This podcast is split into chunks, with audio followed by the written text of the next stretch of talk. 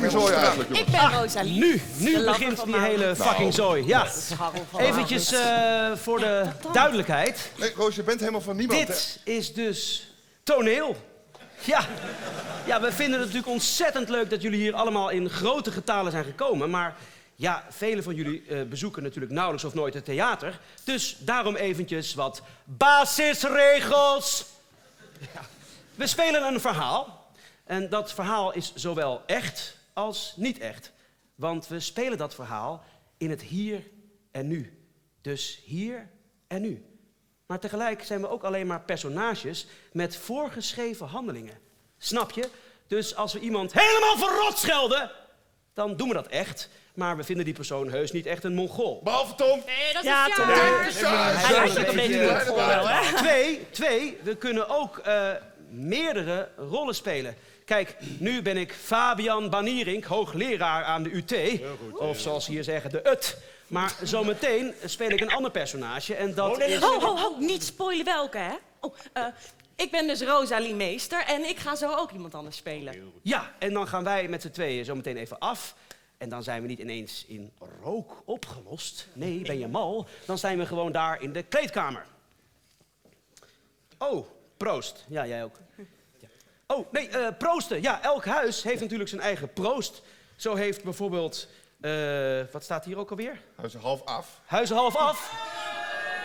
Mooi! Hoi! Huizen het pot. Hop, Patatras. houd hoog! En wij, Huizen Enschede, hebben... Borstklompen opmaken!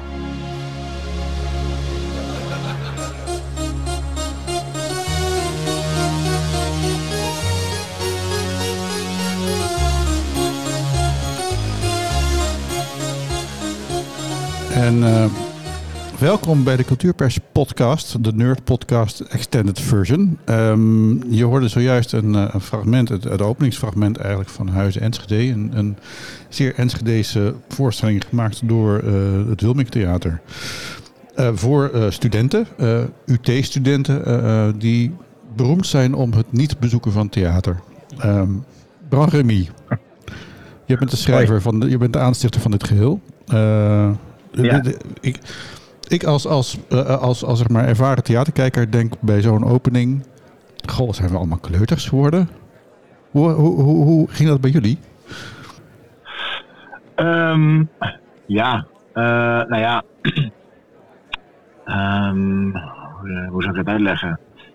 Je wilt natuurlijk wel dat mensen meegaan en aangehaakt raken. Eh, daarom leek het ons gewoon een goed idee, eh, met ons bedoel ik ook de regisseur eh Anna de Blok, om gewoon ja, wel een soort van basisregels neer te zetten. Want anders krijg je misschien dat mensen aan het begin afhaken en eh, ja, dat ze daardoor niet het verhaal eh, meer gaan volgen. Ik weet niet of het per se nodig was achteraf gezien, want volgens mij ging iedereen heel goed mee. Maar ja, dat weet je natuurlijk nooit helemaal zeker. Eh, en dat was een beetje de reden waarom we eh, op die manier eh, begonnen. Dat we eigenlijk heel erg, eh, ja, eh, gewoon eh, face-to-face begonnen met eh, dit is theater en nu gaan we, dat, eh, gaan we het spelen. Oké. Ehm, heel interessant. Ik ga gelijk even de, de podcast inleiden. want dan weten we gelijk waarom we hier zitten. Jij zit in Enschede, Bran Remy. ehm, en Ja. hier zitten we aan tafel met eh, Erik Snel, regisseur, schrijver bij Aluin. Utrechts Theatergroep. Ehm, we zitten hier ook met Maxime van Dommelen, actrice bij Aluin. Ja, en we zitten hier met Marijn Lems, wereldberucht recensent van de Theaterkrant en partner in de Nerd Podcast alweer een jaar. We zijn even een tijdje eruit geweest. En eh, ehm, eigenlijk de, mo- ga- gaat dit over, het gaat eigenlijk over veel te veel, maar de aanleiding was eigenlijk een ruzie, nee, een online mailwisseling, een debat, een, een, een, een, een, een polemiek tussen eh, eh, eh, Erik Snel en Marijn over de recensie die hij schreef naar aanleiding van Metamorfose 2.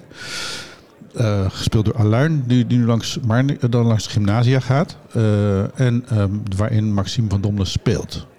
Nu hebben we met jouw verhaal natuurlijk even, even goed gehad van, van wat jij vertelt over hoe, Bran heb ik nu over, hè? eh, ehm, hoe moeilijk Ja. het is om, of hoe, hoe, hoe je dat moet aanvoelen als je op een gegeven moment voor studenten gaat spelen. En dan vooral TU-studenten of UT-studenten. Eh, eh, ehm, Maxime, Ja. jij, jij, jij speelt heel veel voor scholen. Klopt.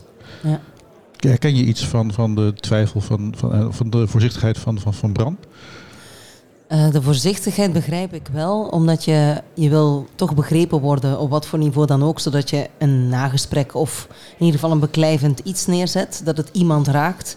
En dan hoeft het niet de exacte boodschap te zijn die jij hebt gerepeteerd en geregisseerd gekregen, maar eh, ja, wel dat het, dat het tot roering komt of zo, dat er iets gebeurt.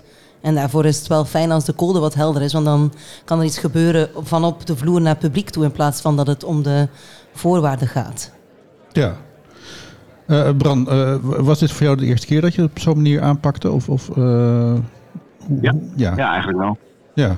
Dat, eh, ja, dat, het idee komt eh, vanuit dat ik hier in Enschede, ja, je hebt, heb je eigenlijk wel veel culturele instellingen, maar ik zie nauwelijks studenten daar komen. Eh, en er zijn iets van 24.000 studenten hier in Enschede. En eh, ik dacht, ja, er komt niemand hier uh, kijken, komt naar het theater toe. Dus uh, dat vat ik op als een soort letterlijke onwetendheid over dat er überhaupt theater bestaat in de stad.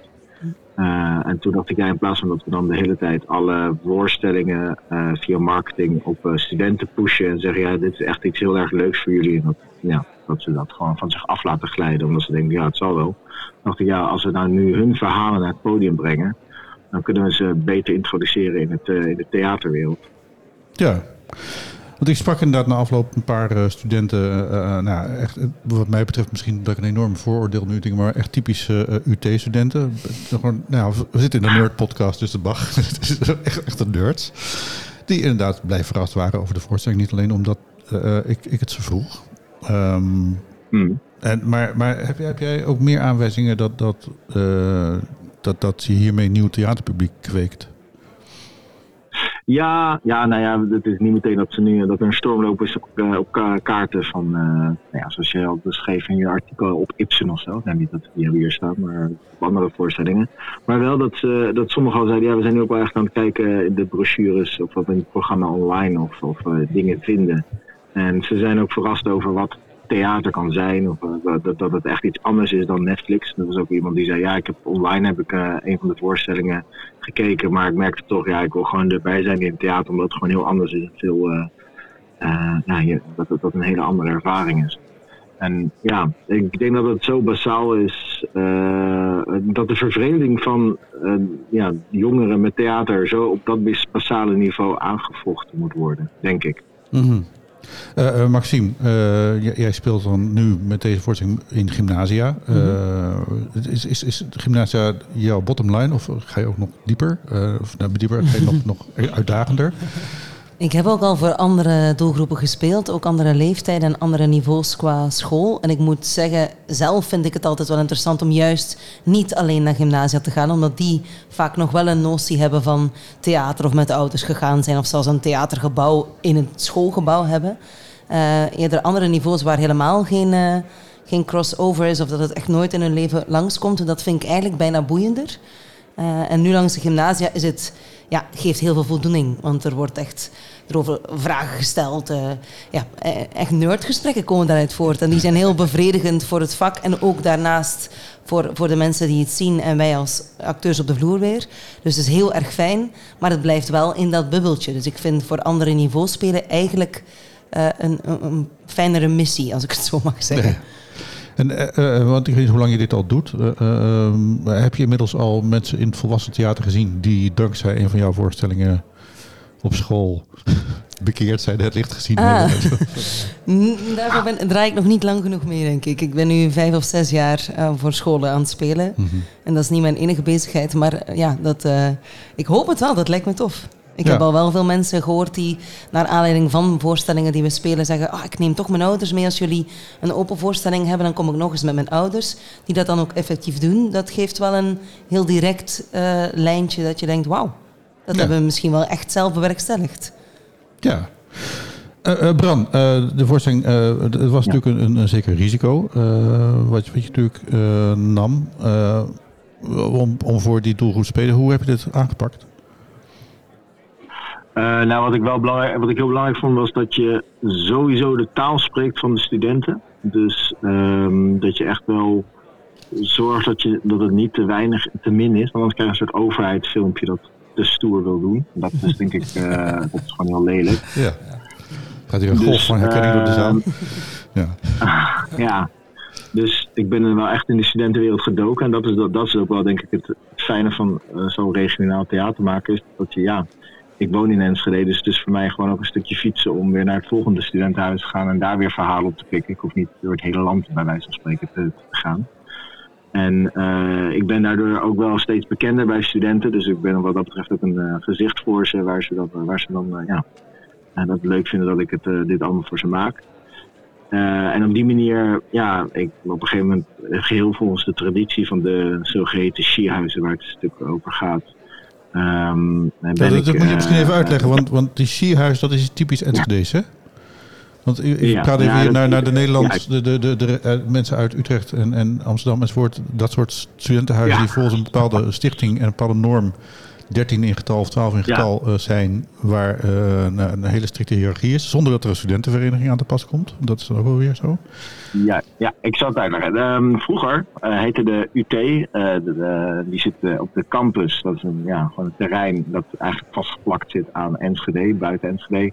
Heette de Technische Universiteit Twente. En ehm, dat, die had een campusplicht. En die campusplicht was eigenlijk om te zorgen dat geen studenten in Enschede terechtkwamen.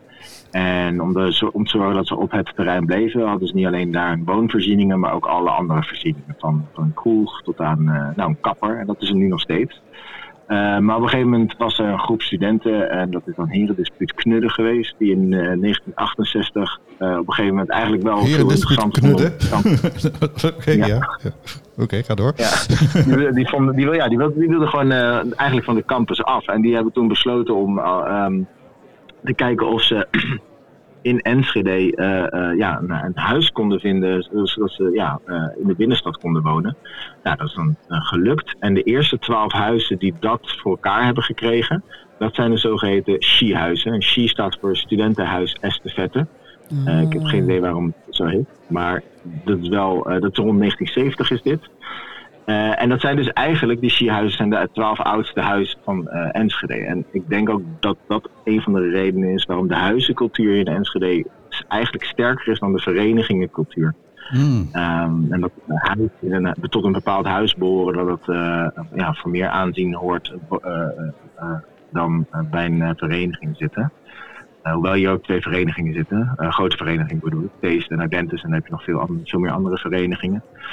Ehm, en eh, ja, dat, dat, dat, eh, dat vond ik wel een heel interessant gegeven. Dus daar vanuit ben ik ook gaan werken. En dan ben ik langs al die huizen gegaan. En wat die huizen ook eh, ehm, eh, eh, eh, eh, onderscheidt, is dat zij, nou, het zijn twaalf huizen, dus per maand is er wel een groot, grote skiborrel, zoals dat heet. Een grote huisfeest van een skihuis. En een van de beroemdste is eigenlijk het Hubertusfeest. Dat is echt bij studenten nationaal heel bekend. Dat is het grootste studentenhuisfeest van Nederland. Was ook eh, afgelopen vrijdag was dat toevallig. En dat was binnen 21 seconden was het helemaal uitverkocht. En dan komt dan heel eh, Nederland naar eh, Hubertus toe. Eh, je hebt ook het Popgala, je hebt het Festival. Ja, dat zijn dus allemaal van die grote feesten die, die, die binnen deze stad dus ook op die manier een prominente plek hebben. En die huizen rivaliseren met elkaar, dus dan gaan ze ook dingen bij elkaar flikken. Eh, en een van de dingen die ze flikken is nitraat door de brievenbus gooien of eh, een, eh, een wit, witte villa van Pot helemaal rolswerven, wat ook in het nieuws is geweest. Dat is een jaar geleden of anderhalf jaar geleden.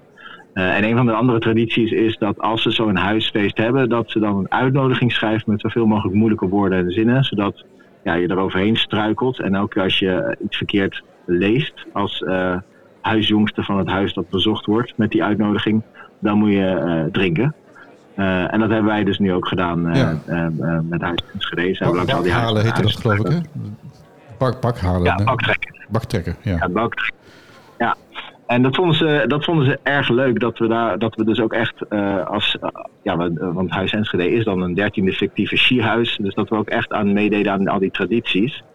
Ehm, ja, en ja, dat is natuurlijk een stukje marketing, maar het heeft wel heel erg geholpen om, ze, eh, om heel veel goodwill eh, bij ze te winnen. En dat ze ja, naar eh, de voorstellingen kwamen. En dat was een van mijn grootste dingen dat ik wel dacht bij de eerste voorstelling, die eigenlijk ook al zo goed als uitverkocht was. Dat ik dacht, ja, nou heb ik al die studenten hier naartoe gekregen, maar over maar dat ze het leuk vinden. Ja. Dus daar was ik wel erg zenuwachtig over. Ik denk, ja, straks is het allemaal helemaal niks. Ja. Hoeveel voorstellingen heb je gehad uiteindelijk? Je hebt vier delen. Eh, eh, en hoeveel voorstellingen hebben we van, het- van elk deel? Ja, er nee, elke deel was één keer werd één gespeeld. Dus vier keer, eh, vier keer op een maandagavond. Dan de huisavonden voor de studenten. En dan wekelijks. dus ja, in de week werd er telkens een voorstelling gemaakt en eh, Ja, ja. neergezet. En uiteindelijk draai je uitverkocht. Begreep ik. Ja, alle vier. Ja. Ja. en de laatste was echt, eh, echt stampensvol. Dus er moesten zelfs mensen staan. Dus dat was ja, heel leuk. En het is volgens mij helemaal goed afgerond. Dus mensen waren ook echt eh tot het einde ook eh, goed en waren Ja. over te spreken. Dus ja, Ja. dat is dan fijn om te horen. Ja, maar, eh, dit, is, dit is Marijn. Ik, me- mag ik iets vragen over eh, je schrijfproces? Want eh, je hebt dan, je dan heel erg verdiept in die, eh, in die huizen. En eh, Ja. Je hebt het ook geschreven eh, en als doel gesteld eigenlijk dat de studenten het ook leuk zouden vinden om, eh, als ze het kwamen kijken. Dus hoe ben je dan gaan schrijven? Heb, je, heb je het vooral geschreven naar het idee toe van het moet voor die studenten vermakelijk zijn? Of eh, ook met een kritische blik naar dat verhaal gekeken? Hoe ga je als toneelschrijver dan te werk? Nou, ik heb wel gedacht van kijk, ehm, als ik de juiste taal aansla en ik heb ook heel veel verhalen opgehaald, dus als ze de verhalen ook herkennen, dan heb je, dan heb je qua herkenbaarheid zit je binnen. En dan kan je werken vanuit die herkenbaarheid naar een wat meer kritische inslag. Eh, en als kritische inslag heb ik voor deze serie gekozen eh, de prestatiedruk en prestatiecultuur die heel erg heerst bij vooral de Technische Hogeschool en eh, de UT. Hier zo, dus dat is ja, in mijn optiek is dat er wordt niet gekeken naar een menselijke kant bij de student. Zoals dat oorspronkelijk eigenlijk wel bijvoorbeeld op een universiteit zou moeten zijn. Maar er wordt vooral gekeken naar dat een student afgeleverd wordt als een eh, ja, product van, Ja. eh, van, de, van het onderwijs. En dat heb ik er heel erg in verwerkt. En ehm, dus er zit heel veel herkenbaarheid aan het begin in, maar het, wordt- het, het wordt ook steeds ehm, ja, eh, kritischer. En ik denk dat het laatste deel is ook het meest tragische deel. En dat, dat, dat is wel, ja, dat was, ja. Dus, eh, Maar richt die kritiek dan zich met name op het instituut, de universiteit, of ook op hoe die huizen daaraan meedoen, aan die prestatiedruk en hoe die gestructureerd zijn? Zeker, ja. Mhm. Dus eh, er, er zit ook zeker prestatiedruk binnen eh, studentenhuizen. Want er is ook weer een hiërarchie van eh naar de huisjongste, de HJ, tot, of eh, de Sjaars, de eerstejaars, tot aan de Nestor. Oh ja. En eh, ja, daarbinnen de druk die je als Sjaars voelt van de Nestor, dat komt wel heel erg naar voren in de stukken. Interessant, oké. Je luistert naar een podcast van Cultuur Pers. Het culturele persbureau van Nederland op cultureelpersbureau.nl. Zo, dat was even onze robot die eh, even wat moest zeggen. Ehm, hey, de, de, het punt wat Bran aanraakt, daar komen we langzaam zeker ook wel even naar, naar het, het hoogtepunt van deze podcast. Eh, nee, niet, niet dat jij niet eh, het hoogtepunt, maar in hoeverre sluit je, je, je je product aan aan de doelgroep waarvoor je gaat spelen? Dat is eigenlijk een beetje de centrale vraag ook wel waar het, het, het, het, het debatje over gaat. Ehm, en, en eh, Erik, eh, hoe- hoeveel herken jij van wat Bran doet in, in, in jouw werk? Ja, veel ook. Ik, wat ik heel grappig vind is bijvoorbeeld de opening, hè, die je helemaal aan het begin eh, liet horen. Daar wordt verteld wat theater is. Er wordt, maar gelijk schiet het ook in een meta-niveau. want ze zeggen, nou, het is echt en niet echt. En vervolgens ontstaat er ook weer daarover een discussie op het toneel. Dus dat, vind ik zelf ook altijd ontzettend leuk om te spelen met in welke hoedanigheid zitten we, op welke laag communiceren we. En, eh, dus dat herken ik heel erg. En ik heb een klein stukje kunnen zien nog vanmiddag. En ehm, het idee en de, de middelen en de vormen, er zitten, zitten veel overeenkomsten in. Ik vond het sowieso heel erg leuk om te zien. En ik vind het ook, eh, ja, het snijdt absoluut hout om eerst eens te kijken met van wie heb ik in de zaal en voor wie doe ik iets en voor wie maak ik iets. Voordat je eigenlijk gaat bedenken van nou, wat ik vind, vindt überhaupt iedereen interessant. Dus laat ik dat eens op het toneel zetten. Dus dat, dat aftasten en dat kijken. En dan misschien later zeggen, eh, wat Bran zegt, misschien is het wel iets te eenvoudig begin. Of misschien is het wel eh, eh, een overbodig begin. Want ze konden toch wel mee. Dat is, omdat het ook nog eens entertainment is, is, het, is dat niet zo erg. Ja, ja. Oké. Nou, het, eh, buitengewoon interessant. Ik, eh, ik, ik moet ook zeggen dat ik, dat ik nu we toch nog eens even even richting gymnasium gaan. ehm, ik, ik, een van mijn eerste als middelbare scholier zat ik op het Marnix Gymnasium in Rotterdam. Zo even gelijk, maar ik, ik beken. Ik van de elite. ik heb mijn hagedische staart zojuist alweer verstopt. Het Marnix was, het, was een christelijk gymnasium en de, toen nog de, de linkse tegenhanger van het Erasmiaans. En het Erasmiaans was de school waar, eh, hoe heet ze, mevrouw Dane Scheltema klassieke talen gaf en ook stukken vertaalde. Ehm, we komen nog zeker in de buurt. Wat ik het, het leukste vond ooit eigenlijk, wat ik, waar ik heel lang aan heb teruggedacht... toen ik ook nog theaterwetenschap ging studeren, wat ook nog een soort bekentenis is...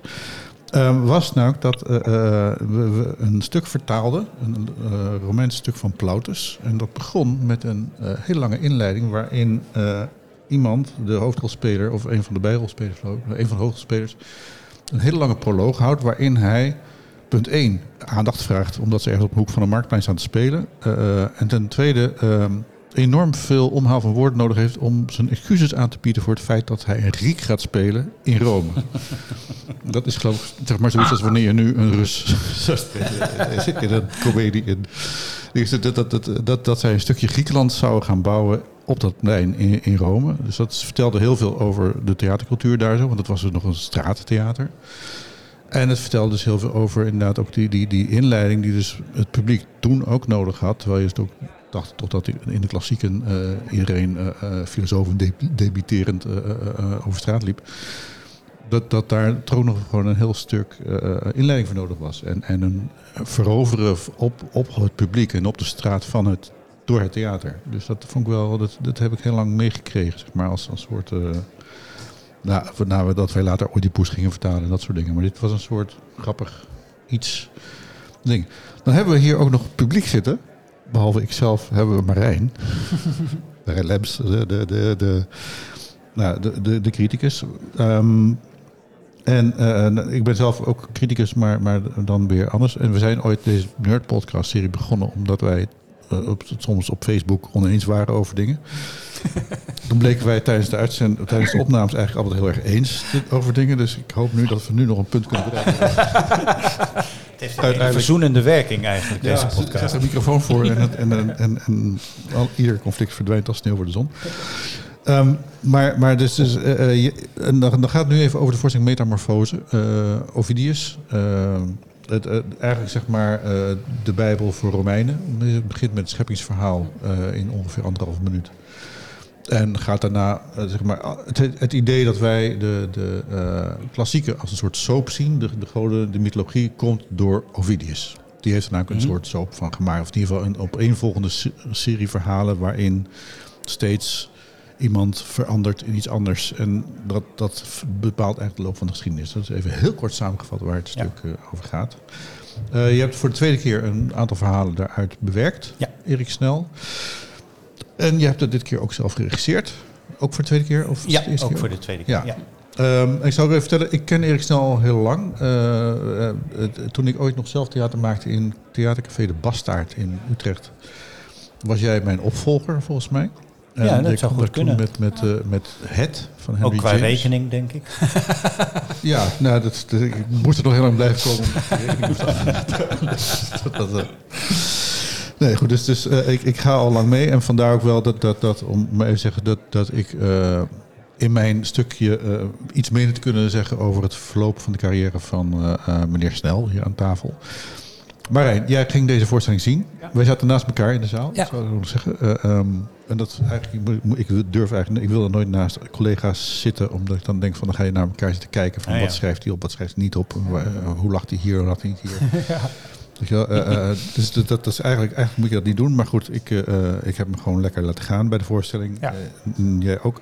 Ja. Ik kwam alleen met een heel ander beeld naar buiten dan ik. misschien ja. is het wel even leuk. Kijk, Bran, als jij erbij wil blijven zitten, vind ik het hartstikke fijn hè, vanuit Enschede.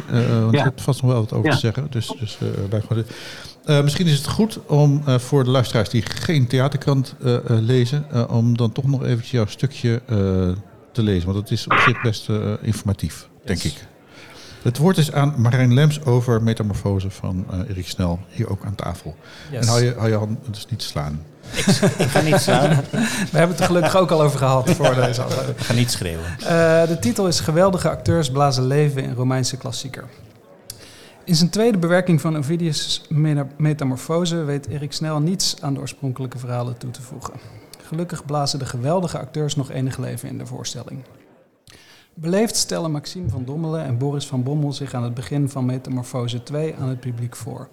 Als acteurs, zo vertellen ze ons, zijn ze bij uitstek geschikt om de verhalen van Ovidius aan ons over te brengen, omdat transformatie immers hun vak is. En de mogelijkheid om in een dier of steen of een ander gender te veranderen is voor hen dus een peulenschil. De speelsheid en chemie van Van Dommelen en Van Bommel zijn de grootste troef van deze bewerking van de Romeinse klassieker. De tweede, die bewerker en regisseur Erik Snel al maakte voor theatergroep Aluin. Ze schakelen bliksemsnel heen en weer tussen de personages in de verhalen en de vertellers. Ovidius zelf en vrouw Fama, de godin van de roem en het gerucht, die samen bakkeleien over wie nu wie heeft verzonnen. De dubbele vertelstijl stelt de acteurs in staat om zich zowel volledig in de verhalen in te leven als er op geestige wijze commentaar op te leveren. Het spelplezier en het laten klinken van de prachtige taal, in de vertaling van de beroemde klassicus Marietje Dane Scheltema, voert de boventoon. En die contrastrijke insteek van ode en lichte spotternij levert zeer grappige momenten op. Helaas blijft het daar ook bij. De verdienste van Van Dommelen en Van Bommel kan niet verhullen dat Metamorfose 2 inhoudelijk weinig meer in zijn mars heeft dan het oplepelen van de verhalen in hun oorspronkelijke vorm. Ook in de minder bekende verhalen leidt dat tot verveling. De uitgesponnen taal, tweedimensionale personages en voorspelbare ontwikkelingen piepen en kraken onder het gewicht van de hedendaagse verwachtingen van een goede vertelling. Dat is des te teleurstellender omdat Snel met zijn Terug uit Troje-trilogie bij Aluin bewees wel degelijk nieuwe invalshoeken uit eeuwenoud repertoire te kunnen puren. Met messcherpe dialogen die op het randje van satire, eh, satire en drama balanceerden. Daar is in Metamorfose 2 niets van te merken. Als je aan spelplezier en recht toe recht aan regie genoeg hebt, beleef je aan de voorstelling een fijne avond. Maar de kunstliefhebber die op nieuwe inzichten zit te wachten, komt van een koude kermis thuis. Oké. Eh,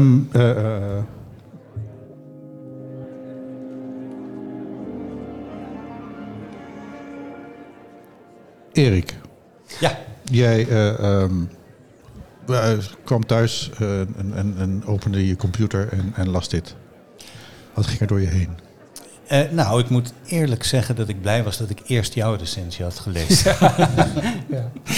Ehm, toen ik het las, toen dacht ik...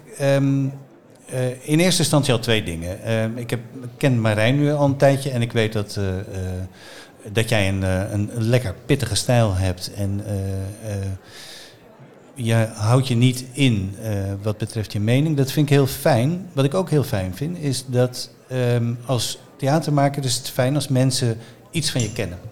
Dus op het moment dat er geschreven wordt over je, wat jullie dus allebei doen, is je haalt er andere dingen bij. Dat is, ehm, ook al is dat niet altijd positief, is dat wel heel fijn, omdat je daarmee zelf ook eigenlijk je, je eigen cv onder de ogen krijgt. Dus, ehm, maar dat daar gelaten, eh, vond ik het. ehm, ik dacht op dat moment, we, we hebben die voorstelling gemaakt voor die, voor die gymnasia. En eh, als je eh, bij je theatergroep die voorstellingen ook vrij gaat doen, dan is de, eh, eh, de reactie natuurlijk altijd van ja, er moet ook pers bij, er moet ook dit bij, er moet ook dat bij. En ik denk heel vaak van ja, daar moet wel pers bij, daar misschien niet, daar wellicht. Nou, dan is er dus ook nog eh, een soort van disclaimer van nou, dit is een voorstelling voor scholen. En toen dacht ik, ik wil heel graag eigenlijk van Marijn weten hoe hij tot deze beschrijving komt. En weet hij wel hoe het werkt. Dat is eigenlijk een beetje, misschien wel een wat pedante reactie, maar dat was wat, wat me op dat moment. eh, overigens, ik vind het allerbelangrijkste dat acteurs niet eh, eh, het, het deksel op hun neus krijgen. Want die moeten het elke avond eh, of elke middag spelen. En ik kan ergens in een hoekje mijn wonden likken. Marijn, ehm, Ja. toen, toen kreeg jij deze, want jij stuurde een mail, eh, Erik, naar Marijn. Ja. Waarin jij ongeveer, zeg maar, in iets meer woorden, denk ik, dan je nu zegt, Mhm. dit, dit beschreef. Ja. Eh, ehm, wat ging door jou heen? Eh, nou, ik was heel blij, want eh, zoals ik ook vaak eh, schrijf, is, eh, ik vind het vind een recensie vind ik het begin van een gesprek. En ik ben altijd heel blij als er reactie op, op komt van theatermakers. En van acteurs en iedereen die bij een productie betrokken is. En dat gebeurt eh, ehm, soms. En ik ben altijd heel blij als dat gesprek gevoerd kan worden. En natuurlijk, Erik en ik hadden al eerder gesprekken gevoerd, ook over eerdere voorstellingen en teksten van, eh, van zijn hand. Eh, dus dat was ook gewoon fijn dat die drempel dan al geslecht is en Erik zich ook gewoon vrij voelde om mij daar vragen over te stellen. En eh, die eh, gemaakt is en daar gaat spelen. Dus dan vond ik het heel interessant om van Erik te horen hoe het maakproces is gemaakt. En kon ik zelf het een en ander uitleggen van hoe, hoe kijk ik naar zo'n voorstelling en waarom vind ik het dan toch eh, belangrijk om, om de ontmoeting tussen mij en het stuk eerlijk te omschrijven. In plaats van te beschrijven, de voorstelling is voor gymnasia gemaakt en op dat vlak is die geslaagd. Maar. Dus daar is het gesprek ook deels over gegaan. Ehm, en eh, waar die wel sowieso helemaal gelijk in had, eh, wat ik niet in de recensie heb opgenomen, waar ik spijt van heb, is dat eh, de spelregie natuurlijk ook van zijn hand is. En in de recensie gaat het iets te veel over alsof de acteurs dat helemaal autonoom hebben gedaan. Terwijl ook daar natuurlijk Erik de hand in heeft gehad. En dat, daar, dat was echt een zeer terecht kritiekpunt waarvan ik dacht van ja, dat kan ik de volgende keer echt beter doen. Ja. Ehm, dat schreef jij terug. Ja. De eerste, eh, Nou ja, eh, het, het was een uitgebreidere Ja. reactie, omdat eh, Erik natuurlijk een aantal vragen had gesteld. En ik ook zei van ja, ik snap helemaal van wat je zegt over dat dat eh, stuk voor gymnasia is gemaakt. Eh, maar ik vind het zelf toch waardevol als je dan wel recensenten laat komen. Ook eh, zeker, dat was dit keer echt ideaal dat jij er ook was. En dus een ander soort recensie had geschreven. Zodat ook de leerlingen die naar die voorstelling zijn gegaan in de pers kunnen teruglezen van er zijn verschillende visies op dit stuk. En zich daartoe kunnen verhouden. Ja. En dat vind ik echt de waarde van kunstkritiek. Dat die eh, eh, verschillende lezingen kan geven aan voorstellingen. Omdat er verschillende ontmoetingen tussen individuele publieksleden en het werk hebben plaatsgevonden. En daar de lezers zich, die dan in sommige gevallen het stuk al hebben gezien en andere niet, zich weer toe kunnen verhouden en daarover na kunnen denken. Ja. Nee, eh, helder. Ehm, eh, eh, als ik dan even mijn eigen... Ja. ik, ik was dus inderdaad iets enthousiaster. Dat stuk is op de site eh, te lezen. Eh, de link komt eh, in, in de comments bij deze eh, podcast. Ehm, en, en toen ik zeg maar jouw recensie las... en want je, jij stuurde het mij op eh, eh, omdat, nou, om te vragen of, of, of, of ik me ermee wilde bemoeien. In ieder geval in die zin. En dat we daar een podcast van zouden maken. Waarvan akte. Ehm, de, de, eh, eh, eh, ik, ik, ik, ik, even kijken of ik hem hier onder de knop heb zitten hoor.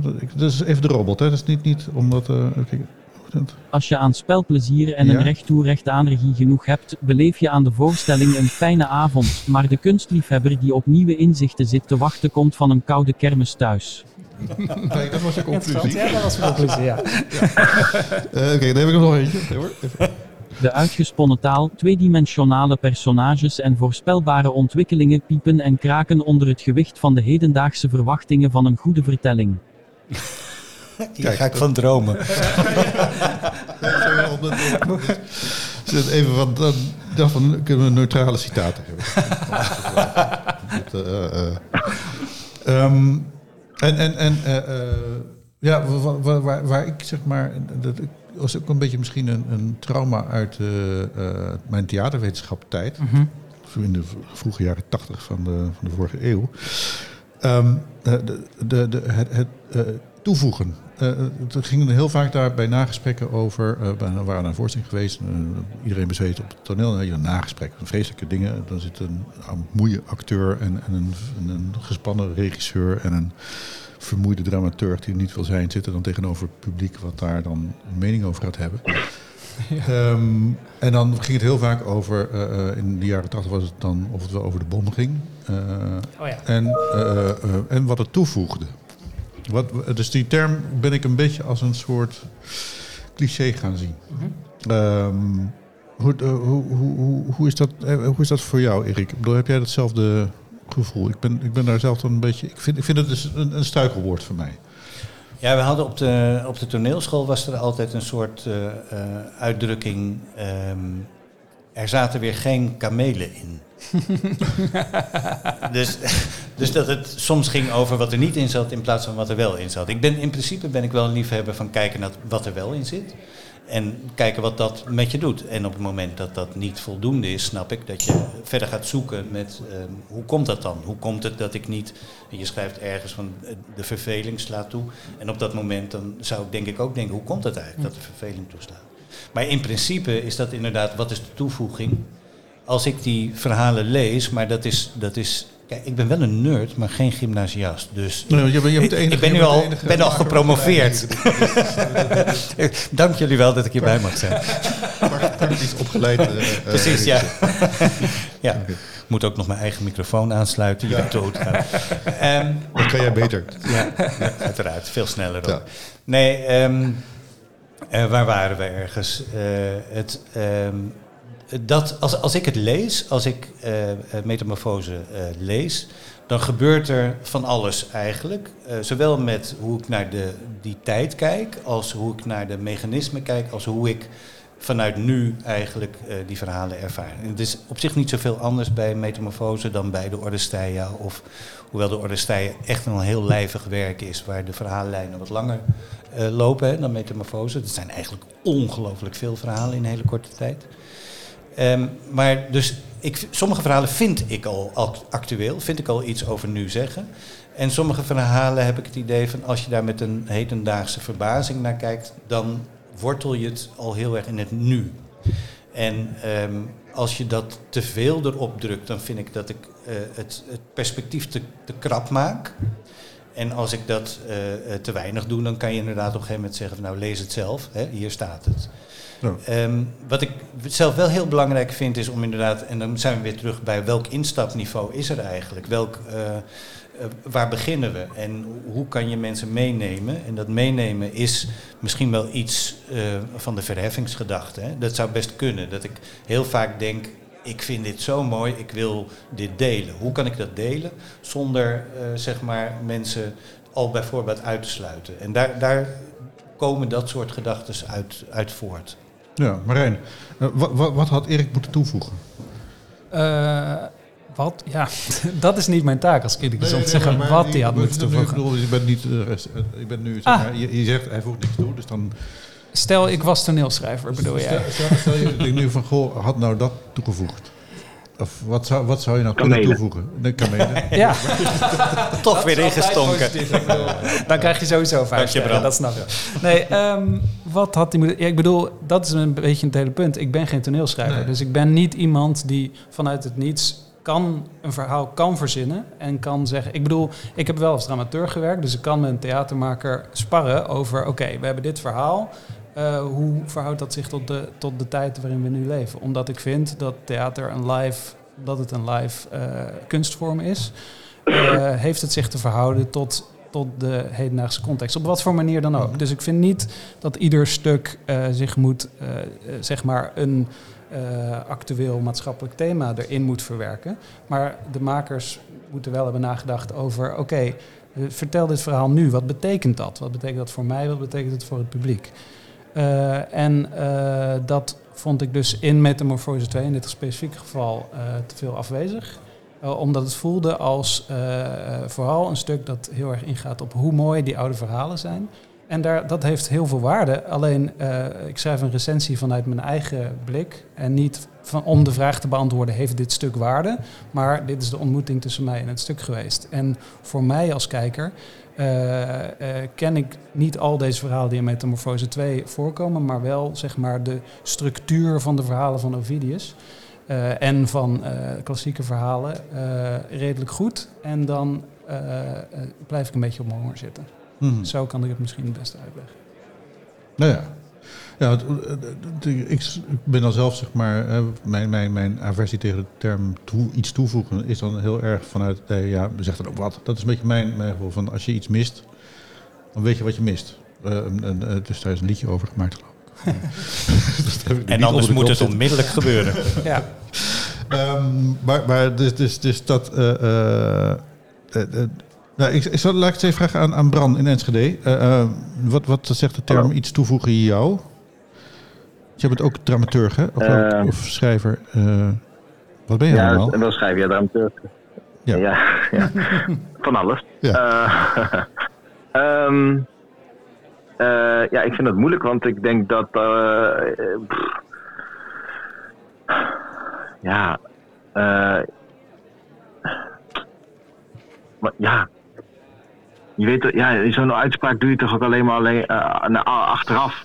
Dus eh, als het al af is voor je gevoel als maker. Dus dan ja, kan je er wel iets aan toevoegen, maar dan is dat blijkbaar een gemis wat je zelf over, over het hoofd hebt gezien. Maar misschien kunnen we toespitsen op jouw specifieke stuk, dat ik dus niet heb gezien, maar eh, van de beschrijving van Wijbrand in zijn recensie en het gesprek net alleen maar weet. Dus dan zou misschien de vraag zijn, wat heb jij willen toevoegen aan het inzicht van de studenten over de structuur van die huizen, over een verhouding tot, eh, tot de universiteit? Dat is dan wat jij toevoegt aan het materiaal dat er dan al is, namelijk alles wat zij al weten over hoe die huizen werken, zoiets. Eh, ik bedoel, toevoegen gaat natuurlijk vaak over een bestaand stuk en naar, het nu halen.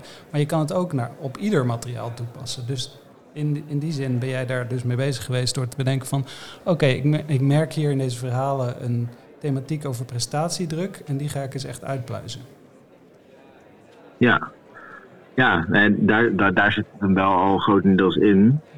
Ehm, ik heb natuurlijk wel ook voor studenten geschreven. Dus ik heb niet in mijn achterhoofd. de- dus ik heb echt nagedacht eh, in het schrijven. Wat, wat zou een universeel thema zijn. wat wel echt eh, studenten heel erg aanspreekt. En dan denk ik de prestatiecultuur die wij nu, wa- wa- waarvan ik vind dat we die heel erg, die heel erg heerst in onze, in onze maatschappij. Dat, daar, ehm, dat ik dat inzichtelijk wil maken. En vooral ook hoe ehm, ja, sneaky die eigenlijk is. Want je hebt het helemaal niet door hoe erg je je mee laat voeren door zo'n prestatiecultuur. Ehm, en daarbij heb ik ook een thema. Ja, een van de dingen die hier in Enschede een, een begrip is, is de Enschedese sessie. En dat gaat dan over vrouwen die dan als ja, Enschedese sessies worden bestempeld. Dus die zijn dan gewoon niet knap of niet mooi. En eh, die, zijn, die vallen altijd in het niet met de Utrechtse achtjes bijvoorbeeld. En eh, iets met Leiden, ook een getal. Eh, en in een van die vrouwenhuizen ja, in een van die vrouwenhuizen zei ik, ja, maar dat laten jullie het niet over jezelf zeggen, toch? En het was voor de eerste keer dat het bij hen ging dagen dat het eigenlijk raar was dat ze dat over zichzelf lieten zeggen, dat ze dat toelieten. Eh, omdat ik ze daar op aansprak en daarop daar doorvroeg. En dat ik dacht, jezus, dat zit dan ook wel diep geworteld dat je zoiets accepteert. Dus daar, dat, daar heb ik, heb dat ook heel erg aangepakt in de stukken, vind ik. Oh ja, interessant. Ja, dat eh, was mij ook duidelijk. En, en dat is dus wel ja, in het algemeen een soort, eh, ja, gewoon de werking van, eh, van hiërarchieën en traditie eh, binnen de studentenwereld. Want ik denk dat hiërarchie en tradities vooral ook veel dingen eh, onbevraagd laten. En juist tradities, ja, traditionele normen en waarden, die zijn er ook niet in eerste instantie om bevraagd te worden. Dat, dat doen we uiteindelijk als, eh, denk ik als, schrijvers, kunstenaars en zo, willen we die bevragen. Maar ja, we hebben ze eh, maar al te graag om gewoon ervan eh, om, ze, om ze te leven en te genieten. Eh, en pas als de mensen kritisch op worden, dan, dan kan er inderdaad een discussie ontstaan. Maar in eerste instantie is, zijn het gewoon ja, een soort van ja, ter hande dingen die je gewoon doet zonder te vragen. Ik vind het ook wel interessant, dat je, je haalt universaliteit nu net aan. Je wilde een universeel verhaal over vertellen. En dat is in het gesprek met, tussen Erik en mij ook naar voren gekomen. eh, over of dat kan. Of je een universeel verhaal kan vertellen. eh, of eh, dat je altijd moet nadenken, oké, dit, de- deze doelgroep tussen aanhalingstekens gaat dit, gaat, gaat dit perfect voor zijn. En voor een andere doelgroep gaat dit ofwel, is dit ofwel te makkelijk ofwel te moeilijk. Eh, dus Erik, kun je daar misschien iets over zeggen over hoe jij dat, eh, hoe jij dat in je stukken aanpakt, wat die Ehm, zoektocht is? Ja, nou, ik vind het sowieso interessant. Eh, Eigenlijk hebben we het voortdurend over het- het- hetzelfde ding. Van, gebruik je eigenlijk verschillende middelen voor verschillende doelgroepen en probeer je zeg maar, te kijken naar wat is de bodem waar, waar dat op gaat vallen. En ehm, ik ben inmiddels, ik dacht bij gymnasia eigenlijk altijd van dat zijn redelijke witte, tamelijk gesloten bolwerken en daar verandert niet zoveel. Maar inmiddels weet ik ook wel beter. Ik, ik noemde jou een voorbeeld van eh, een gymnasium in Amsterdam wat, ehm, waar vrij veel eh, moslima's op zitten en die reageren toch ook weer aanmerkelijk anders op de materie. Bijvoorbeeld eh, in die versie, dat was eh Metamorfose 1, wordt er gekust do- door twee meisjes omdat ze Pygmalion en het beeld spelen. En eh, dat is en een hoop gegiegel en ze mogen er ook niet naar kijken. Hè, dat, dat is kennelijk wat... wat eh, nou, dat is een hele andere Ze, reactie. ze, ze wenden dan hun blikken af, Ja, je, ja, ze aan het kijken zijn. ja. Ja. Of ze doen hun handen voor hun ogen, maar in ieder geval eh, ze Ja. wachten tot het afgelopen is. Ja. Ja. Ja. Zoals ik als, als zeg maar elfjarige als er gezoend werd op Ja. tv. Precies. Vond ik ook echt heel zonde van het plot. Maar, maar ehm, eh, dus, en dat leverde me ook weer een idee op van ja, ehm, onze verteltrand, onze manier van vertellen, ehm, moet je ook zelf steeds onder de, onder de loep nemen. Dus wat is er inderdaad universeel? En ehm, van sommige dingen kan je dat zeggen. Die verhalen zijn er, denk ik, daarom ook nog. Maar dan nog zijn de manier van vertellen is, zegt ook weer wat over de plek eh, waar je bent. Dus ik vind het super leerzaam om erachter te komen van, oh hier moet je echt een andere, een andere taal, ander tempo of een andere eh, tekentaal of vormentaal. eh. we spelen ook wel eens voor de wijkjury. Er komen weer hele andere reacties op dan eh, voor bijvoorbeeld een, een avondje kikker. Ja. Ehm eh, Marijn, jij wilde mij wat vragen, geloof ik. Dat ik Ja. het moment voor is, maar dan eh, dat ik geef graag de voor te staan over. Heel goed. Ja, eh, in het gesprek met Erik en tussen Erik en mij ging het dus ook over van dat ik een verschil zag in insteek en aanpak van zijn Terug naar Troje trilogie, die als vrije voorstellingen zijn bedoeld. En Metamorfose 2, die als vo- schoolvoorstelling is bedoeld. Eh, terwijl ik in jouw recensie eerder teruglas van je- dat je Metamorfose 2 als kroon op Eriks werk zag. En dus in één lijn zag eigenlijk met de Terug naar Troje trilogie. Eh, eh, dus ik vroeg me af of, of je daarop kan reflecteren of je ja, wat je daarvan dacht. Ja, nou, ik, ik, ik vond dus dat, dat Erik heel veel toevoegde aan, deze, Ja. aan, aan, aan, aan- aan dit gebeuren. Ja. En, maar dat zit niet direct in de kwantiteit als wel in de kwaliteit. Ehm, Nou, wat doe je dan met toevoegen? Nou ja, dat ga ik nu uitleggen. Ja, dat is een Eh, goeie. wat- eh, ik- Kijk, jij noemde het spelplezier als een soort gegeven.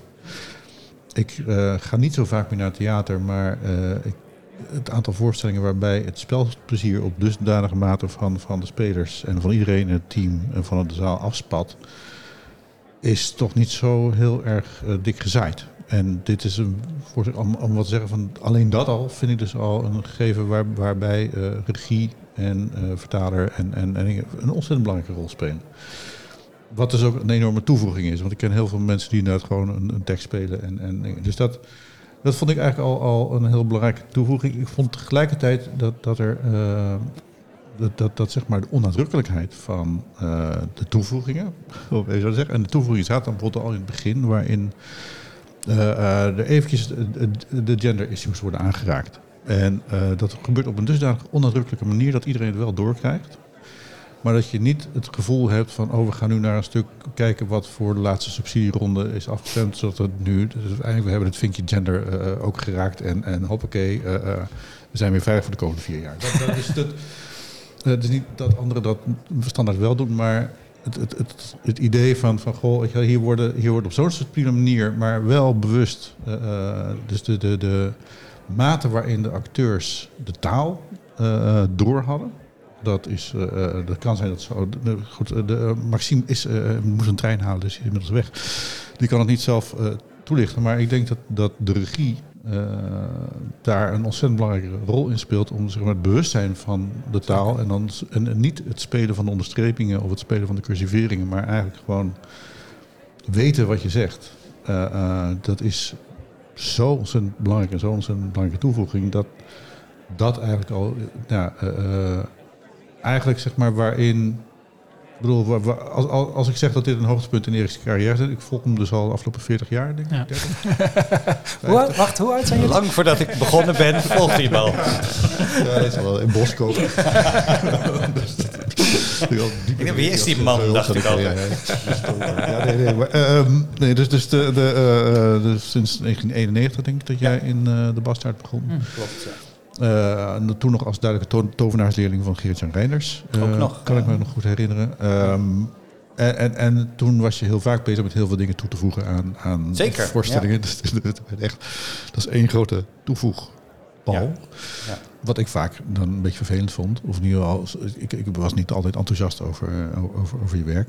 Ehm, en als er dan een prijsuitreiking was in zo'n voorstelling in Nederland 1, geloof ik dat dan toevallig de, ouders van Gabi Bakker, een van de actrices, Dissidenten was de- dat. oh, ja. de- Ja. ook toevallig de prijs won. Weet je wel. Ja, en het was niet eens doorgestoken Nee. kaart. Maar ja, daar kan ik jou toch niet eh, van overtuigen, denk ik. Maar eh, ehm, wat, wat, wat ik dus zeg maar, het is, het is een beetje eh, van, van hoe, hoe, met hoe minder middelen je uiteindelijk zeg maar een, een zo'n aanzet kunt geven. Dus in Japanse kalligrafie, om even zo te gaan, weet je, dat, dat zo- zo'n zo'n zo'n zo'n schrijver een leven lang eh, op één krul studeert en, en dan sterft. Nou, ik, ik gun jou nog niet dat je dat, dat, dat, dat jou overkomt, maar dat, zo'n ontwikkeling zie ik. Dus eentje waarin het theater helemaal kaal is, helemaal eh eh, uit, nou, niet uitgegeven, maar in ieder geval de, de- tot op het bot eh, theater. En dan, nou ja, de- wat Peter Brook ook deed, zeg maar, in zijn, in zijn voorstellingen, door het steeds kader, steeds, steeds minder erbij doen. Peter Brook even de grote, waar ik je niet gelijk mee wil vergelijken, want dat, dat is, jammer. zeg maar, maar dat is toch een beetje de god van, van, van theater die onlangs overleden is. Ehm, maar dus dat, dat, die, die, die zoektocht, of die, die tocht, die weg naar, naar, naar de, de, de, eh, de subtiliteit. En dat in een stuk voor gymnasiasten. Tong mij wel mijn, mijn enthousiasme af.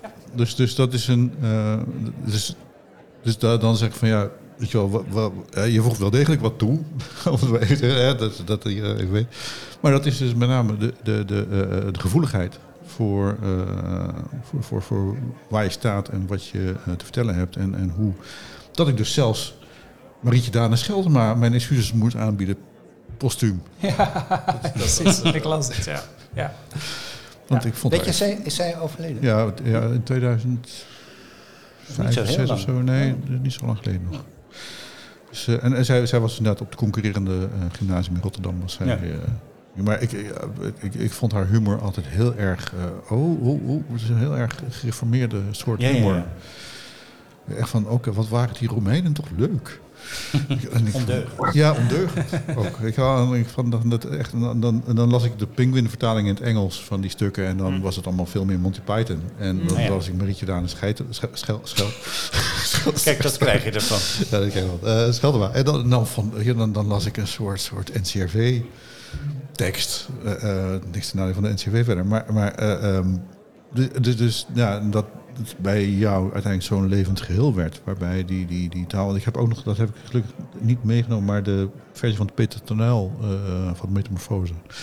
Als hoorspel door VPRO, daar wordt enorm veel toegevoegd aan, aan de metamorfose door allemaal acteurs in een soort Weet je, dan, dan, zijn, dan hoor je hem echt door een straat lopen, de moderne tijd en verkeer. En dan vertelt hij daar het scheppingsverhaal, nauwelijks hoorbaar over de dingen van, van over de, hè, dat de wereld maar steeds verandert. En denk van, oké, ja, de wereld is inderdaad veranderd. Weet je, wel. Dus dat, dat, dat hoor je dan heel sterk. Dus dat is een beetje, vind ik dan rood op rood schilderen. Ja. En dat, dat, dat, eh, eh, dus, dus dat was een beetje mijn... eh, Ja. Maar dat is misschien nog een goede toevoeging op je vraag net over toevoegen. Want ik heb natuurlijk ook genoeg stukken gezien waar ze oude verhalen speelden dan gewoon Ivo van Hovenstijl de acteurs een Armani-pak aantrokken en het in het bankenwezen lieten afspelen. Ja, en de videokamer erbij. En dat voegt ook niks toe aan het oorspronkelijke Nee. verhaal, omdat Nee. het zo oppervlakkig gemoderniseerd is. Dus Ja. ik wil zeker niet beweren. Ja, dat dus, dus wat kwalificeert dan als een toevoeging, ben ik benieuwd. Eh, dus als het een nieuw inzicht oplevert in het eh, verhaal, eh, dus als het een verhaal is dat je al gehoord hebt, dat al eeuwen bestaat, dan dat er een nieuwe invalshoek wordt gevonden. Eh, op welke manier dan ook. Dat kan dus, hoeft dus niet gerelateerd te zijn aan een actueel thema, maar kan ook zijn van, oh, als je nu, als je nu kijkt met eh, bijvoorbeeld vanuit een specifieke invalshoek. Je hebt nu natuurlijk veel stukken bijvoorbeeld die worden herbekeken vanuit de ogen van mensen van kleur. Eh, stukken waar helemaal geen zwarte personages oorspronkelijk in voorkwamen. En daar, dat brengt een bepaalde geschiedenis en een bepaalde culturele blik met zich mee, die weer nieuw leven kan blazen in heel erg oud materiaal. Eh, eh, dus er kan, er kan van alles zijn als je je eigen perspectief maar op dat verhaal laat doorwerken. Ehm, is dat een antwoord op je vraag?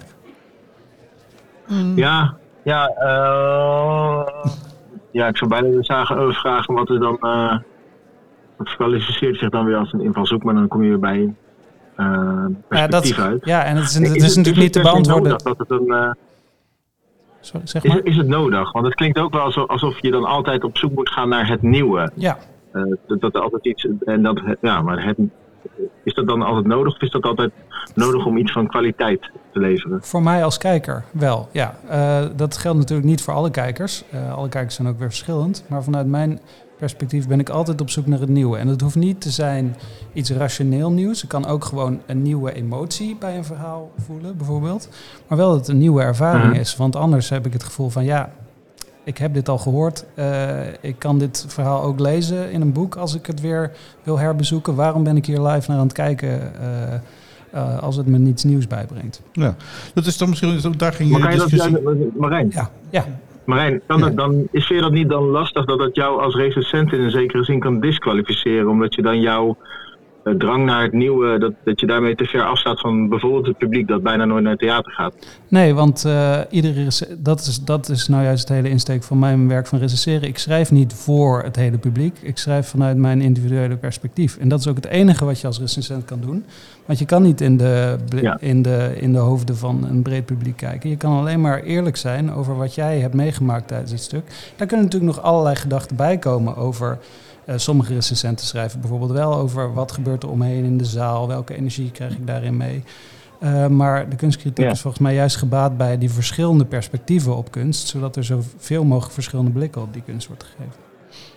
Ja, Ja. Ik, ik moet wel zeggen dat dat, dat dat punt inderdaad van hoeveel neem je mee van je omgeving in, bij, bij het bekijken van de voorstelling. Ik, bedoel, ik, eh, ik neem ontzettend veel mee Ja. eh, bij het schrijven over kunst, maar ik beschouw mezelf nog niet meer als recensent. Ik bedoel, in die zin dat ik niet in opdracht van een krant ergens kom. Ehm, maar dat heb ik in het verleden ook altijd wel gedaan. Als ik, als ik dingen wist over wat er achter de schermen was gebeurd bij Ja. een voorstelling. Eh, en, ik, en, en als, als ik een voorstelling zie en ik zie dat er allerlei rare dingen op toneel gebeuren. En, en, en eh, dat ik niet geraakt word of dat, er, dat ik te hard geraakt word op een verkeerde manier. En ik hoor ondertussen, weet je wel, hoor ik van die en die dat er dit en dit gebeurd is. Dan kan mij dat helpen om een verklaring te vinden voor wat er daar op het toneel gebeurd is. En waarom zo'n voorstelling gaat mislukken of juist gaat Ja. lukken of wat dan ook. En dat is de laatste keer dat ik dat gedaan heb was volgens mij bij de kersentuin van Toneel op Amsterdam. Of maar even van eh, ehm, Simon McBurney. eh, een man wiens werk ik grensloos bewonder. Maar die hele dure producties maakt. Die heeft een hele dure verlanglijst. en ik zag een voorstelling waarbij ik een rudiment van een duur verlanglijstje zag. Ik zag, ik zag gewoon wel het plan van McBurney, maar ik zag niet de uitwerking ervan. En dat schreef ik dus op. Ik zei van nou, dit is echt dit is, dit is een, een noodoplossing waar we zitten kijken. En eh, eh, mijn collega's, uh, Kerst Frederiks, uh, en zo, oh, briljante voorstelling, oh, goed, en oh, wat zijn die, wat steg of mooi, en uh, wat leuk dat ze op het kleine toneeltje staan. Geen idee van waarom, maar ze staan daar. Weet je wel, en dat, dus die ik keek heel specifiek naar alleen maar dat product op die avond daar aangeboden. En dan is Gijs Schot van Aschat natuurlijk een goede acteur, en Marieke Hebink, en, en noem maar op, het zijn allemaal hele goede mensen. Maar ik zag gewoon echt wel iets, dat, dat er iets heel erg niet goed was gegaan. Dat bleek, dat hoorde ik later dus inderdaad ook. Simon McBurney was daar gekomen met een verlanglijst van enkele miljoenen, bij wijze van spreken. En, en op een gegeven moment had men in de Schouwburg gezegd: van, Ja, sorry Simon, maar dit, dit kunnen we niet betalen, dit kan niet. Ja. Dat heeft conflict uh, uh, geleid. Ik geloof niet dat Simon McBurney nog heel veel doet in Amsterdam, maar het zou kunnen.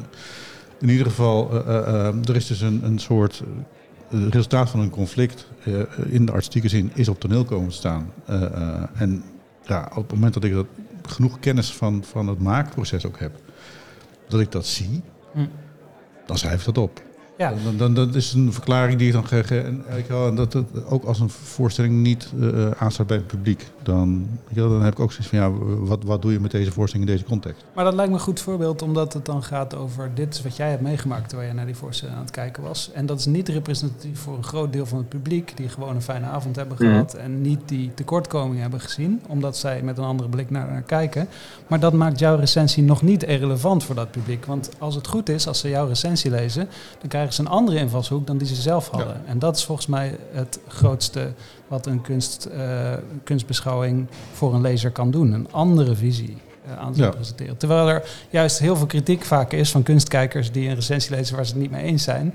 Dan krijg je vaak de meeste kritiek van je hebt je werk niet goed gedaan. Terwijl ik dan denk, nou ja, dan is, heb je dus werk In, in zekere zin is het, het is een enorme luxe om uh, meerdere ja. En, uh, en verschillende recensies te krijgen. Ja. Want dat, dat, uh, dus ik ben het helemaal met je eens met je insteek. Het is soms jammer als het ja. de enige recensie Absoluut. is. En dan, dan wordt het, uh, ook voor de spelers, wordt het moeilijker. En Ik eh, eh, las vandaag nog ergens een recensie volgens mij van een cabaretier...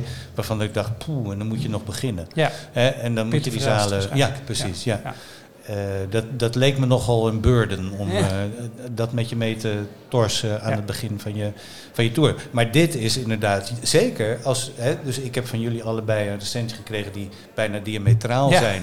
en dat is alleen maar, dat is eigenlijk heel leuk. Ja. Ja. Dan is het nog jammer dat de een alleen maar de een leest en de ander alleen maar de ander. Maar als theatermaker is het fijn om eh, scherp bekeken te worden. En ehm, ik denk ook, ik bedoel, ik zit ook wel eens bij een concert en dan weet je ook wel, er zijn mensen die hebben alle platen en eh, alle albums en die gaan sowieso wel uit hun dak. Dat wil niet zeggen dat het per se een goed concert is natuurlijk. Dus de, de zaal is ook maar een deel, dat snap ik, dus maar een deel van, van je belevenis. Ja, Maar Marijn, ik heb dan eh, nog een vraag. Ja. Vind ik, ik vind het wel interessant te weten van jou. Ja. Jij zegt natuurlijk, ja, ik, ik kan alleen maar vanuit mijn perspectief kijken naar wat ik zie en eh, vanuit mijn ervaring. Ehm, maar ik denk dat heel veel mensen jouw recensies ook lezen om te kijken of ze überhaupt naar een voorstelling willen gaan. Mhm. Hou je daar dan nog rekening mee? Ik hou daar geen rekening mee in de zin van dat eh, ik verwacht van de lezer, of tenminste ik hoop dat de lezer eh, eh, zich informeert over hoe ik kijk naar een voorstelling. En als je dan denkt, oh dat is iets wat goed bij mij aansluit of eh, waar, ik, waar ik het vaak mee eens ben, ja, dan kun je dat gebruiken als iets in je beperkte tijd in je geld om te bepalen waar je naartoe gaat. Maar dat is niet de reden dat ik mijn recensie schrijf. De re- De reden is niet om als consumer guide te dienen, maar om een perspectief op een kunstwerk te bieden, zodat dat kunstwerk besproken wordt. Ja, misschien is het wel interessant in dit verband om op te merken dat recensies zelden vooraf gelezen worden door eh, toeschouwers. Eh, onderzoek heeft dat aangetoond.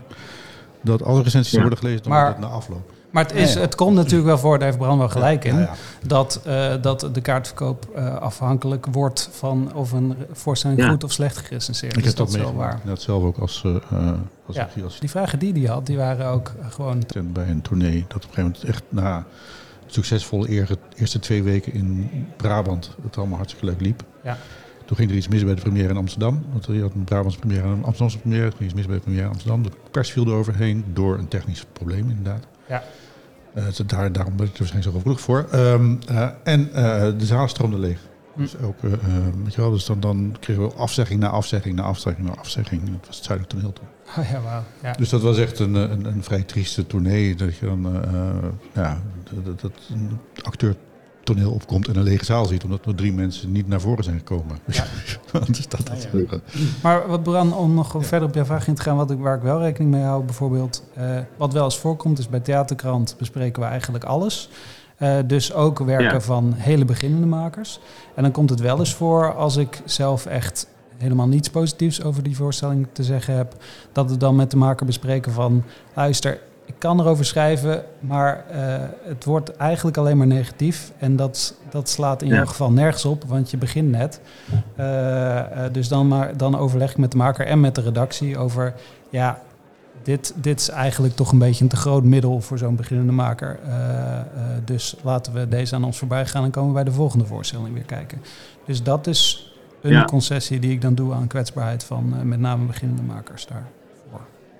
Ja. Ja, Ja, ik merk dat, dat het ehm, vooral. ehm, kijk, en vooral een marketingafdeling heeft, wil natuurlijk heel graag goede recensies. Want Ja. die willen daarmee eh, verkopen. En dat is natuurlijk niet voor niks, omdat ja, goede recensies, denk ik, dat weet ik eigenlijk helemaal niet zeker, Mhm. ook voor betere kaartverkoop zorgen. Ja. Ik weet dat wel als ik bij onze eigen kaartverkoop bekijk. Ja. Daarmee vind ik ook dat je als resistent hoef je het niet. eh, ja, daar gehoor aan te geven. Maar het is ergens wel een behoorlijke verantwoordelijkheid. Omdat die sterren, eh, die st- de sterren die je geeft, of de recensie die je, en de recensie die je geeft, Ja. hebben ook invloed op eh, hoe goed een voorstelling verkoopt. Ja. Ja. Eh, ja, het is een verantwoordelijkheid om je werk zorgvuldig te doen, laat ik het zo zeggen. Om dus Ja. eerlijk te beargumenteren, geen, eh, geen eh, zeg maar, eh, eh, fout te maken in de zin van dat je incorrecte dingen zegt die echt gewoon niet kloppen. Eh, en helder te formuleren over waarom je op een bepaalde manier naar een voorstelling kijkt. Dus die zorgvuldigheid is zeker een verantwoordelijkheid voor de recensent, zou ik zeggen. En het, werkt Ja. soms ook andersom. Hè? Dus in het geval van jouw docentie bijvoorbeeld zijn er dan weer ehm, eh, docenten Hm. die zeggen... Oh, gelukkig. Ja. Er wordt niet zoveel aan toegevoegd. Want, Precies. Ja. Ja. Ja. want ehm, op die gymnasia, we, de- toen wij begonnen met die voorstellingen daar op die scholen, werd er gezegd van ja, we eh, behandelen het dan. En dat is voor hun, ehm, dan gaan ze naar het theater bijvoorbeeld. En dan hadden ze een keertje, ik geloof, een voorstelling van Ola Mavalani. En die, dat ging alleen maar met, met haringen en, en eh, weet ik wat allemaal. Er gebeurde van alles. Ja. Maar zij, zij zeiden van ja, maar we zijn met dat bezig. Dat heb ik helemaal niet meer teruggezien. Of Ja. die hadden nog maar een flintertje tekst wat zij aan het vertalen waren, Ja. wat ze herkenden. En dat, eh, dat schrok ook een beetje af. Dus Tuurlijk. voor, voor het middel waarvoor we het hebben ingezet. Ja, precies. Supergoed. goede recensie. Oh, fijn. dat, dat, Ja. Voor dan even checken. zodat- dat- dat- ja. Hey, eh, eh, eh, hebben we alles een beetje gehad qua dingen? Heb je nog, Marijn, Ik denk het, hebben we het meeste van ons gesprek hebben we ook wel gecoverd, toch? Ja, volgens mij wel, ja. Ja. En ehm, ja, wat, ik, wat ik echt super leuk vind, is net zoals eh, zeg maar het, het vergelijken van verschillende eh, voorstellingen. Dus de een gaat, ehm, eh, heeft een bepaalde toegankelijkheid die een andere weer op een ander niveau heeft, bijvoorbeeld.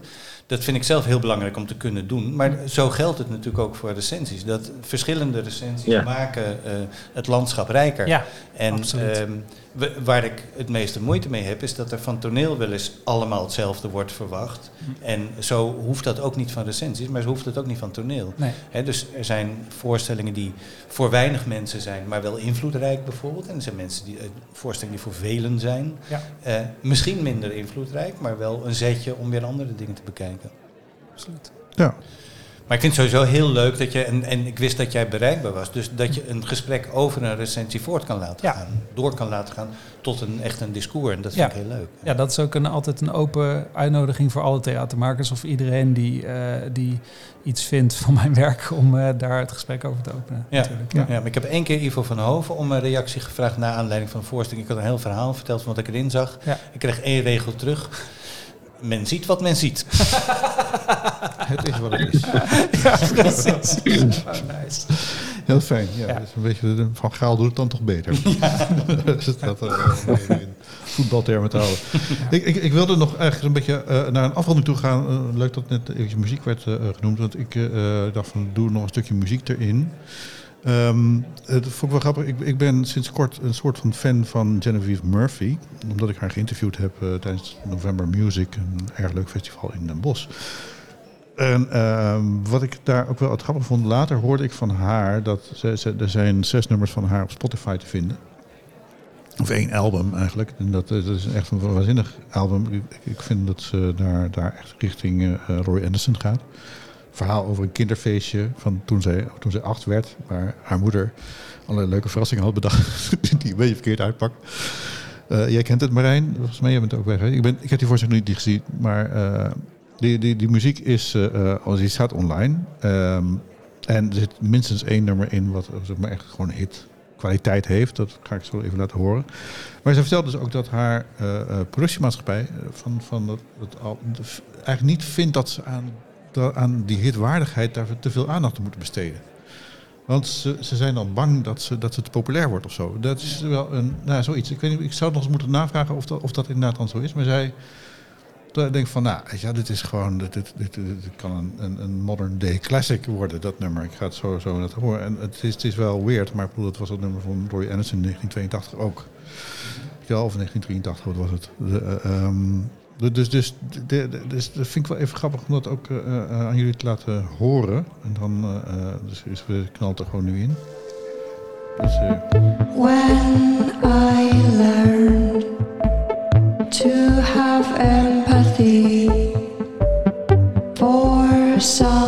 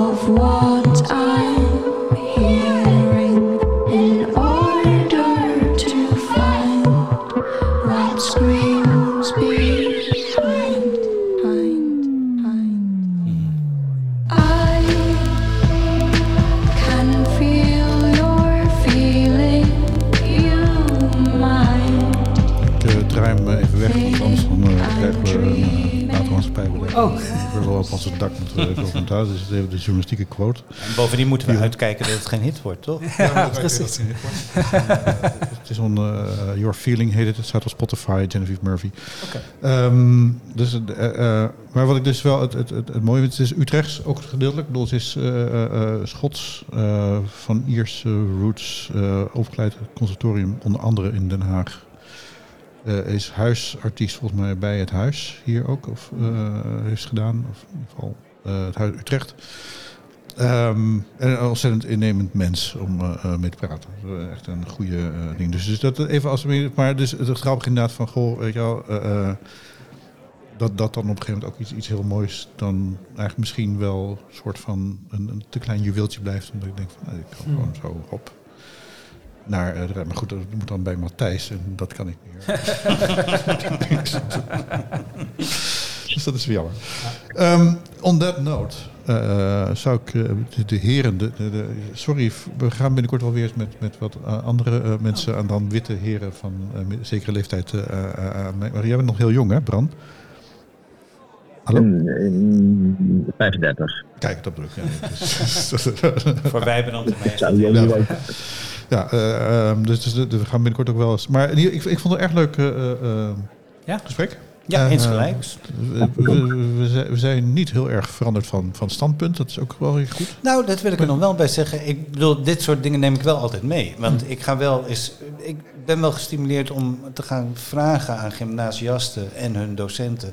Van waar ligt bij jullie eigenlijk eh, de grens? Waar, hè, tot waar eh, kan je gaan? Hm. Of, dus dat is, dat is altijd goed. Ja. Oké, nou, toch nog wat geleerd. Ja. Uiteindelijk. Dus dat, eh, en, en ik ook wel. Ik, ik, ik, ik ook wel door, door, door iets genuanceerder weer te gaan denken over het fenomeen toevoegen. Toevoegen 2.0. Ja. Brand, Brand, heb jij nog iets Ik, geleerd? ik, ja, nou, ik, ik vind het wel de, de dis- discrepantie tussen de recensent die vanuit zijn positie en vanuit zijn ervaring eh, recensies schrijft. Eh, en eh, de ene kant en de andere kant, ja, de recensies zoals die als een soort eh, marketingproduct wordt opgevat door een Ja. marketingafdeling. Daar zit dus wel echt een heel, ja, echt een afstand. En het is, ik, dus, ja, ik zit gewoon na te denken, hoe, maar hoe kan je, wat bemoei je daarmee? Wat, wat, wat eh, moet er dan een soort andere vorm van recensies komen, maar dat is dan ook weer niet goed of zo. Ik weet niet. Ja, het, ja, het, ja. het, het, eh, zo van, Ja. Ja. Marketingafdeling, ik ben, ik ben ooit een keertje gequote terwijl ik niet eens geweest was. Door een Ah. marketingafdeling. Dus dat, dat, En wie was er weer niet? Nee, is wel een van de de eh, quote van, van eh, fantastisch. eh wij rond Schaap Algemeen Dagblad of zo. Ik denk van, eh, ben ik geweest? Nee. Maar het is, goeie, het is een goede vraag, Bran. Eh, Dat is zeker iets eh, waar het altijd natuurlijk eh, het gesprek over moet blijven worden gevoerd. En we zijn nu ook met Theaterkrant een, een bij- bijeenkomst, of misschien zelfs een aantal bijeenkomsten aan het voorbereiden tussen makers en critici. Omdat je merkt dat er vaak gewoon nog ja, weinig begrip is over hoe de, hoe de ander Ja. werkt, zullen we maar zeggen. En dan hadden we een voorproefje Ja. van op het theaterfestival de afgelopen editie. En dat was al heel erg eh, vruchtbaar om eh, gewoon met elkaar te hebben over... oké, hoe kijken we naar elkaar? En, eh, en hoe, wa- wat verwachten we van elkaar in hoe we ons werk doen? Dus dat krijgt zeker nog Ja. een vervolg. Oké. interessant. Oké, ja, nice. Nou, eh, eh, Bran, je, je gaat misschien wel eens wat vaker hier eh, optreden. Maar dan moeten we even zien hoe dat... dan, dan gaan we nog betere verbindingen regelen. Over fysiek en dat Ja, soort dingen. oh, ik kan ook wel een keer langskomen hoor. Dat vind ik helemaal niet erg. Ja, nee, dat is allemaal goed. Zo, zo, we- de- de- deze serie is tot stand gekomen heel lang onder lockdown. En dat, wij, dat, dat ik alleen maar Marijn hoorde typen op zijn... Terwijl we naar een scherm keken. Goed, ik ga, af, ik ga afronden. Eh, we zijn alweer veel te lang bezig, maar dat is niet erg. Iedereen die tot nu toe heeft volgehouden, die eh, wint een prijs. Eh, dank jullie wel. Eh, Marijn Lems, eh, Erik Snel, Bram Remy. Ik ben Wijbrand Schaap. Eh, we zijn van het Cultureel. Persbureau. En deze podcast, nou, dat weet je, die, die heb je al gevonden, want daarom luister je nu. Ehm, eh, tot de volgende keer. Oké.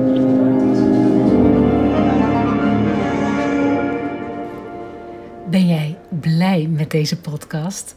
Laat het dan merken met een kleine donatie. Kijk op www.cultureelpersbureau.nl slash doneren en maak ons gelukkig. Dus www.cultureelpersbureau.nl schuine streep doneren. Zo,